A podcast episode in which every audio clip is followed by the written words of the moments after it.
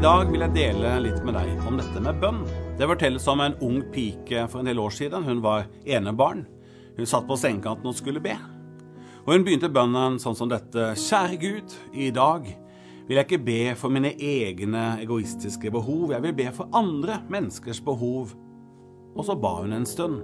Men den siste delen av bønnen den lød omtrent sånn som dette. Og til slutt, kjære Gud, så ber jeg om å gi min mor en vakker, rik og sjarmerende svigersønn. Jeg undres noen ganger på om ordet bønn kanskje noen ganger roter til dette med bønn for oss. Ordet bønn handler jo veldig fort, eller forstås veldig fort, som å be om noe. Og da gjør vi bønn mye smalere enn det det skal være. Bønn peker både på dialogen men også selve fellesskapet mellom himmel og jord, og mellom Gud og den troende. Allerede generasjoner tilbake så kalte man bønn for sjelens åndedrett. Og jeg tar meg jo å undre på om jeg tidvis lider litt av oksygenmangel. Og jeg spør meg om jeg virkelig tror at det er slik, at bønn beveger den hånden som beveger verden. At det er slik at Gud har knyttet viktige løfter til det at vi faktisk ber. Og svaret på disse to spørsmålene de avslører seg jo faktisk i om jeg ber. Det ligger en dimensjon av tillit til oss fra Guds side i dette med bønn. I første Mosebok kapittel 18 fortelles en dramatisk historie. Det var en by, Sodoma. Urettferdigheten og ondskapen var blitt så stor at Gud bestemmer seg for å straffe byen. Og på veien for å gjøre dette så stopper han hos Abraham, en troende, en venn av Gud. Og så utspiller det seg et bemerkelsesverdig drama hvor Abraham begynner å forhandle med Gud. Han blir rett og slett en forbeder for folket i Sodoma. Eh, han sier, 'Hva hvis det finnes 50 rettferdige i Sodoma? Skal du da straffe byen?' Ja, Gud sier, 'Nei, hvis det er 50, så Ja, men 45, da? 40? 30? 20? Og til slutt så sier forbederen Abraham, Herre, du må ikke bli harm på meg om jeg taler en eneste gang til, men kanskje det finnes bare ti der. I eh, der så står det at Abraham ble stående for Herrens ansikt, og det har vært plassen for den bedende gjennom alle tider. Noen ganger så står vi der på vegne av oss selv, andre ganger så står vi der på vegne av andre. I profeten Esekiels bok er det som om Gud selv roper ut en etterlysning. Han sier, 'Jeg har lett blant dem etter en mann som kan bygge opp igjen muren og stille seg i revnen, i murrevnen, for, å, for landet så det ikke blir ødelagt. Men jeg har ikke funnet noen.' Dette verset henviser til en konkret hendelse da byens murer var revet ned og måtte bygges opp igjen, og man trengte noen som faktisk var villig fysisk til å stå i revnen og beskytte muren eh, og byen for fiender, mens murene ble bygd opp igjen. Men Kirken har gjennom mange år hørt disse ordene som en guddommelig oppfordring til å mobilisere til bønn for byer og for land. Det kan virke litt merkelig at den allmektige og den allvitende Gud på mange måter har satt den troendes bønn som et premiss for sin direkte involvering. Men det er nettopp her Gud faktisk viser sin kirke tillit. Han ser på som sine partnere, sitt paktsfolk. Og det er i kirken Gud tar bolig på jord ved sin ånd.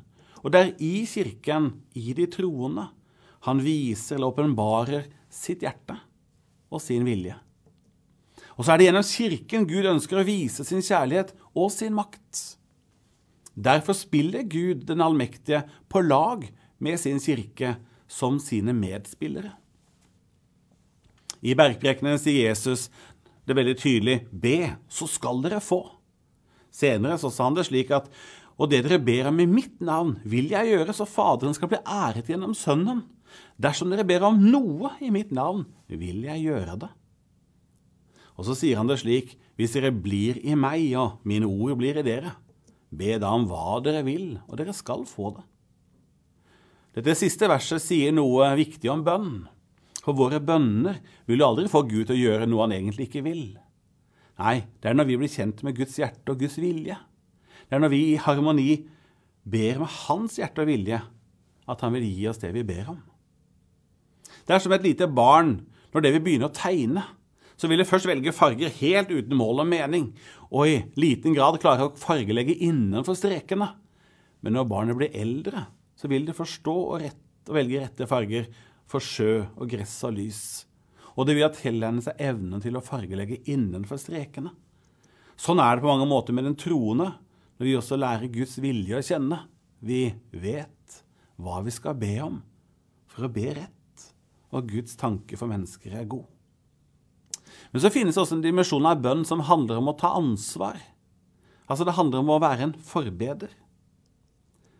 Men bønn handler allikevel dypest sett ikke om å sende vår bestillingsliste til Gud. Da vil vi fort bli skuffa eller trøtt av bønn hvis vi ikke får det vi har bestilt. Bønn handler vel rett og slett om å være sammen med Gud. Jeg husker en, en taler, Nidsær, sa dere leser hele bøker om Bibelen enn faktisk å lese Bibelen. Dere leser hele bøker om bønn istedenfor å faktisk be. Og så skal vi da i dag snakke om bønn, mens jeg nok heller skulle invitert dere alle med meg, så vi kunne gått inn til Gud, altså bedt sammen. Jeg bærer jo faktisk en drøm om å gjøre nettopp det å invitere dere alle til en 60 minutter, 90 minutter sammen i Guds nærvær en kveld i uka. I en trygg og god samling hvor alle generasjoner kan komme sammen og være i Guds nærvær sammen. Som en inspirasjon for ditt personlige dialog eller bønn med Gud.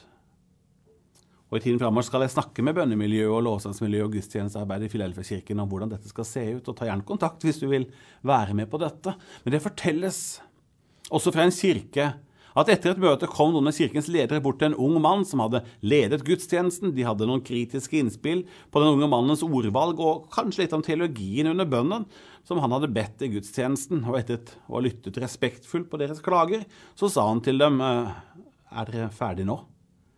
Jeg har bare én ting å si til dere angående bønnen min i gudstjeneste i dag. Jeg snakka ikke til dere. Og han jeg snakker til, han er jeg trygg på at hørte og tolket meg rett. Bønn er min dialog med Gud. Bønn peker på både dialogen, men også selve fellesskapet mellom himmel og jord, mellom Gud og den troende. Vi mennesker møter jo ofte livet med hele bredsida av vårt følelsesliv og da kan det jo spenne mellom å være både vakkert, følsomt og totalt krise. Gjennom hele Bibelen jobber jo Gud med å bistå mennesker med å håndtere følelser.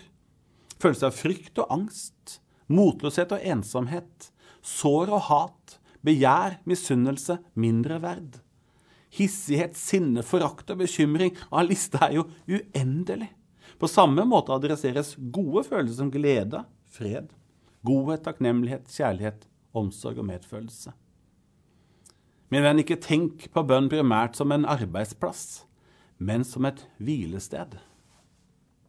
Ole Hallesby skrev å be er å invitere Gud inn, og så siterte han Jesu ord fra åpenbaringsboken Se, jeg står for døren og banker. Om noen hører min røst og åpner døren, så vil jeg gå inn til ham og holde måltid, jeg med han og han med meg. Et av de versene i Bibelen som for meg til tider har vært både et av de vakreste og fineste, og kanskje også viktigste, det finner vi i Efesbrevet kapittel 3 vers 12. Der står det slik I Han, altså Jesus, har vi frimodighet, og i troen på Han, Jesus, kan vi komme fram for Gud med tillit. Jeg skulle så inderlig ønske at dere alle kunne ha et klart bilde av dere selv, der dere frimodig, tillitsfullt og naturlig rusler inn for Gud. Og se den gleden som din ankomst vekker i Guds ansikt. For med frimodighet kan vi tre fram for Gud med tillit. Så for meg dreier ofte ikke bønnen seg om bønneemner, men mer om å få komme til Gud med alle mine følelser, og hos Han finne veiledning og ro. Og få sortert livet sammen med Han. Og her vil jeg erfare både formaning og veiledning, og trøst, og bli ansvarliggjort. Det er jo her, sammen med Gud, jeg erfarer at Han oppdrar og former meg. Og det er, og det er sannelig her jeg sparer meg for mye feiltrinn og opprydding også. Jeg har ikke tall for alle de gangene Gud har avslørt for meg mine feil motiv, stoppet meg i følelsesrevne planer og speilet meg når jeg klaget på alle de ufullkomne menneskene jeg har slitt med rundt meg. I bønn har Gud i sin omsorg og godhet avslørt at den mest ufullkomne i min omgangskrets heter Daniel Egeli, altså er meg selv. Og det mennesket jeg definitivt har størst utfordringer med i denne verden, det er jo meg selv. Bønnen er for meg det trygge rommet. Det er hvilestedet. Det er også stedet hvor Gud gang på gang setter lyset på, så jeg ser min ufullkommenhet og mangel på kjærlighet til de han har betrodd meg. Bønnen er både stedet for, for, mye av min bønn skjer jo når jeg er alene, men det er også dialogen, der jeg formes av Guds ånd til å bli mer lik Jesus. Og Så må jeg dessverre erkjenne at Guds ånd har ikke alltid en like lett jobb, selv ikke nå etter alle disse årene som jeg har vært hans disippel og etterfølger. Men ikke tenk bønn primært som et arbeidsplass, men som et hvilested. Du vet, Jesus oppfordrer oss til å be, ja, om å komme til Han med alle våre behov og all vår nød. Paulus er også tydelig når han sier 'gjør dette i bønn', og legg alt framfor Gud i bønn. Vi skal, som troende, være de som vet at vi med våre bønner kan forandre verden og berøre menneskers liv. Jeg klarer ikke å gå helt forbi en historie om de to mishandlede misjonærene i det rå og mørke fangehullet. Frimodig hadde de delt det kristne budskapet i byen Filippi. Mange hadde kommet til tro, men reaksjonene lot ikke vente på seg, så det står Dommerne fikk klærne revet av dem og befalte at de skulle piskes. De fikk mange slag og ble satt i fengsel. Og fangevokteren fikk ordre om å vokte dem godt. Og da hadde han fått den ordren, så kastet han dem inn i det innerste fangehullet, og så låste han føttene deres fast i blokka. Det er Apostelens gjerninger 16. Men det står videre ved midnattstider holdt disse to, Paulus og Silas, bønn, og de sang lovsanger til Gud, og fangene de satt og lyttet til dem. Resten av historien er en mirakelhistorie hvor et kraftig jordskjelv fikk hele fengselet til å riste, dørene sprang opp, og lenkene løsnet av alle fangene. Men hvorfor begynte de slitne og lidende mennene å be? Jeg tror nok at de hadde innarbeidede hellige vaner i sitt liv. Fram, men framfor alt så tror jeg at bønn for dem var å søke til deres hvilested.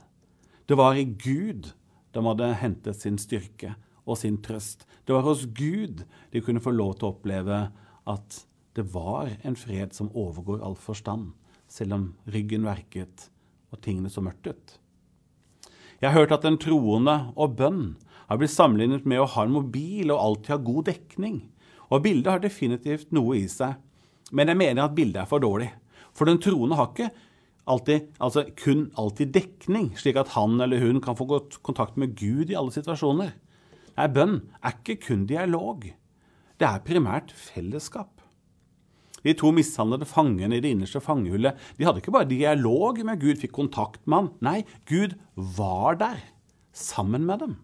For bønn er fellesskap med Gud.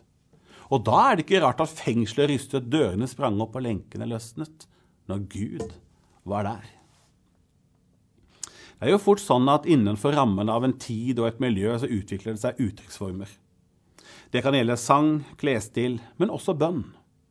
Lange såkalt frie bønner var vanlig når jeg vokste opp. Forbønn i slutten av gudstjenesten kunne ofte foregå ved at man knelte ved stolene fremst i kirken, Bønner kunne også gjerne uttrykkes med tydelige element av lyd og følelser. I andre kirkemiljøer kunne dette uttrykkes helt annerledes. Frihet til å uttrykke meg til Gud på mange måter. Det er fantastisk. Det er noe som har betydd mye for meg i min trosreise fram til nå. Det har vært oppdagelsen av variasjon og friheten til at jeg kan få uttrykke meg slik det er naturlig for meg. Noen ganger er det godt å vise Gud min respekt og tilbedelse ved å faktisk fysisk knele ned foran Han. For meg kan det andre ganger oppleves naturlig godt å få løfte hendene som et tegn på tilbedelse. For en som vokste opp og nok trivdes best med den mer frie bønnen, var det merkelig da jeg sammen med Gud Jeg satt sammen med Gud og fått, hadde en Kristuskrans i hendene. Det er en Nå skal det sies jeg går vanligvis ikke med dette på hånden, Men dette kalles en Kristuskrans. Det er egentlig en, en bønnekrans, et armbånd med perler. Hver perle forteller meg noe. Men når jeg satt der første gangen, så føltes det på en eller annen måte ikke helt ekte. Hvis jeg skulle be andres bønner eller følge et slags bønneprogram. Like rart var det da jeg satt sammen med andre kristne og ble introdusert for tidebønn for første gang. Men jeg tenkte hvis andre etterfølgere av Jesus har funnet styrke og støtte i denne måten å gjøre det på i flere hundre år, så bør jeg kanskje være litt ydmyk og lene meg mot deres erfaring litt, før jeg forkaster det. Tidebønnen.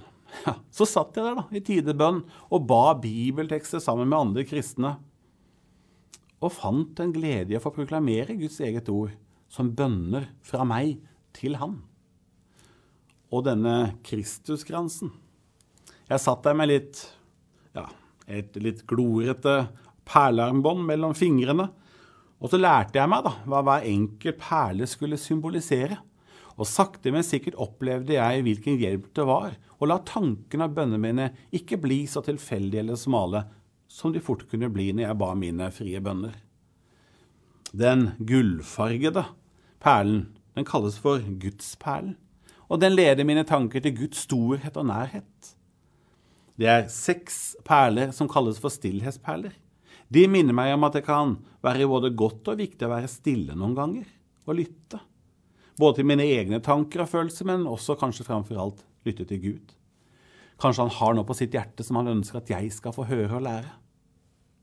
Og så kom jeg ganske raskt til denne lille hvite jeg-perlen. Den er hvit og lys, for den minner meg om at det måtte en Gud til for å skape noe så fantastisk som meg, selv om følelsene mine dessverre ikke alltid er helt enig i en så positiv tanke. Men det er sannheten fra Guds side, og med denne perlen i hånden så pålegger jeg meg selv å være noen minutter i Guds ord og tenke på at Gud elsker meg og ser i meg mer enn det jeg ofte gjør selv. Jeg er rett og slett elsket av Gud. Og så følger dåpsperlen. Som minner meg om at mitt liv for evig er vevd sammen med Jesu liv, oppreist for å vandre og leve med Han. Og etter den perlen kommer en av de seks stillhetsperlene. Og det er nok lurt, for jeg trenger å være stille og lytte og få lov til å kjenne på Guds kjærlighetserklæring til meg. Jeg blir minnet om at hele mitt liv er uløselig knyttet sammen med Jesus. Så kommer denne perlen som er ganske kjedelig. Det er ørkenperlen. Den påminner meg om at livet, eller i hvert fall ting i livet, både kan oppleves tung og grå men de kan være viktige likevel. Og så følger de som perler på en snor den blå gledesperlen. De to kjærlighetsperlene, den ene som minner meg om at Gud er glad i meg, og den andre som minner meg om at denne kjærligheten som jeg har fått, den er altså noe jeg kan både gi og bør gi videre til andre. Derfor kalles den andre perlen, røde perlen også for godhetsperlen. Kanskje Gud her minner meg på at du, denne den personen bør du ta kontakt med. Og så kommer disse tre hvite hemmelighetsperlene. Noen hemmeligheter er gode, andre er onde. Alle bør vi dele åpent med Gud. Og så kommer vi til denne svarte nattperlen. Og Den leder meg til å våge å se det vonde og smertelige i øynene og kjenne hvor trygt og godt det er å løfte byrder over Guds sterke hender. Og etter å ha hvilt litt i en stillhetsperle, da, så kommer jeg til en ny hvit perle. Den heter håps- eller oppstandelsesperlen. Den minner meg om at Jesus brøt dødens makt og vil en dag skape en ny himmel og en ny jord, hvor tårene, sorgen og smerten for alltid er lagt bak oss. Og så lander mine bønner og mine tanker der de begynte, i den gullfargede gudsperlen. Jeg eh, går ikke med dette armbåndet. Jeg bruker det ikke hele tiden heller. Men jeg tar det opp til tider. Og jeg bruker det i perioder. Da er det en fantastisk god opplevelse å kunne få lov til å lene meg mot en måte å tenke hele livet på. Og få lov til å bruke Og det tar jo ikke alltid så lang tid. Dette kan ta noen få minutter, det kan ta lengre tid, alt ettersom. Men det er kanskje mange, sånn som meg, som har slitt med å få til den gode bønnerytmen i hverdagen. Da kan Kristuskransen være en hjelp på samme måte som mange bruker andagsbøker eller bibelapper som gode verktøy for å hjelpe oss til gode og hellige vaner midt i en travel hverdag. Bønnen er ikke ment å skulle være en ekstra byrde i hverdagen din. Det er derfor jeg sier at bønn ikke først og fremst er forbønner eller arbeid, men det er først og fremst et hvilested. For en litt sliten forbereder var det godt når jeg ble introdusert for dette man kalte for soaking.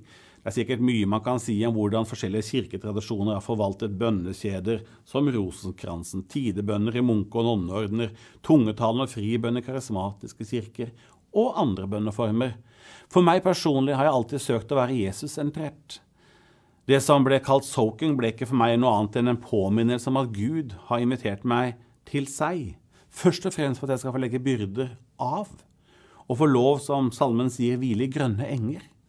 Med et smil kan jeg huske lange bønnemøter fra min oppvekst. Jeg var imponert over utholdenheten til mange av disse voksne og eldre bønnekjempene.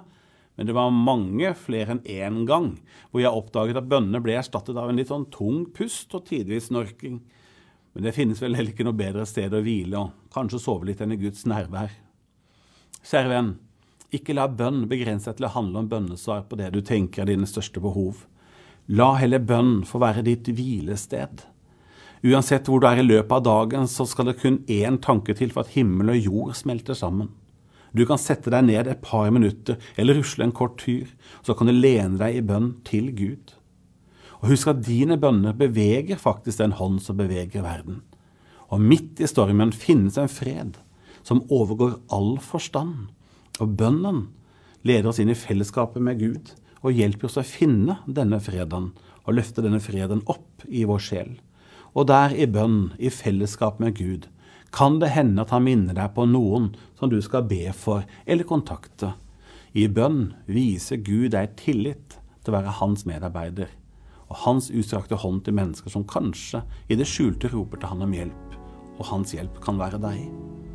Du vil erfare at du nok hører langt mer av Guds stemme enn det du faktisk tenker.